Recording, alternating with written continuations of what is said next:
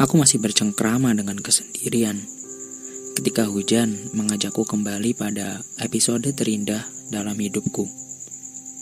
Ia menggiringku untuk mengenangmu dengan hikmat.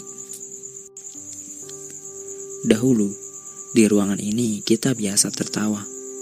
Kau bercerita tentang cita-citamu dengan penuh semangat, sementara aku menjadi pendengarmu yang paling setia. Kini, buku-buku dirak, gitar tua di dekat pintu, juga fotomu yang kian berdebu menjadi benda-benda yang kehilangan nyawa. Petir bersautan dengan hujan yang semakin deras. Kenangan kian membanjiri kepala. Aku sempat meminta agar Tuhan memformat ingatanku dan menghapus jejak yang kau tinggalkan. Namun, kini aku bersyukur. Jejak sepasang kekasih bernama kau dan aku membekas. Tuhan mempertemukan kita seperti dia mempertemukan tanah kering dengan rinai hujan.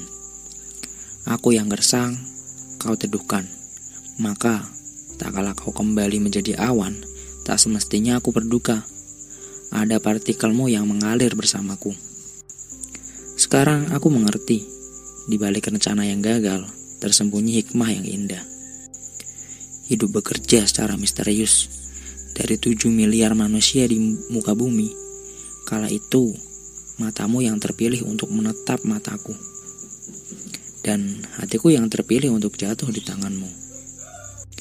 Ketika apa yang kita bangun porak-poranda, kita selalu mencoba melanjutkan hidup dan menata ulang apa yang tersisa.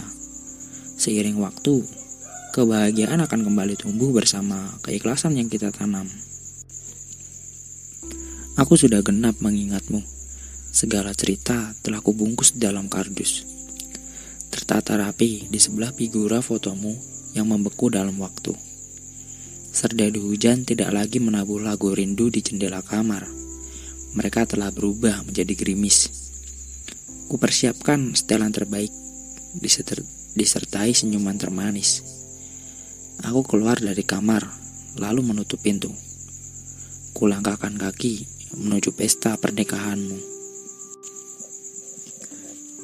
Beberapa orang tinggal di dalam hidupmu agar kau menghargai kenangan. Berapa orang tinggal dalam kenangan agar kau menghargai hidupmu.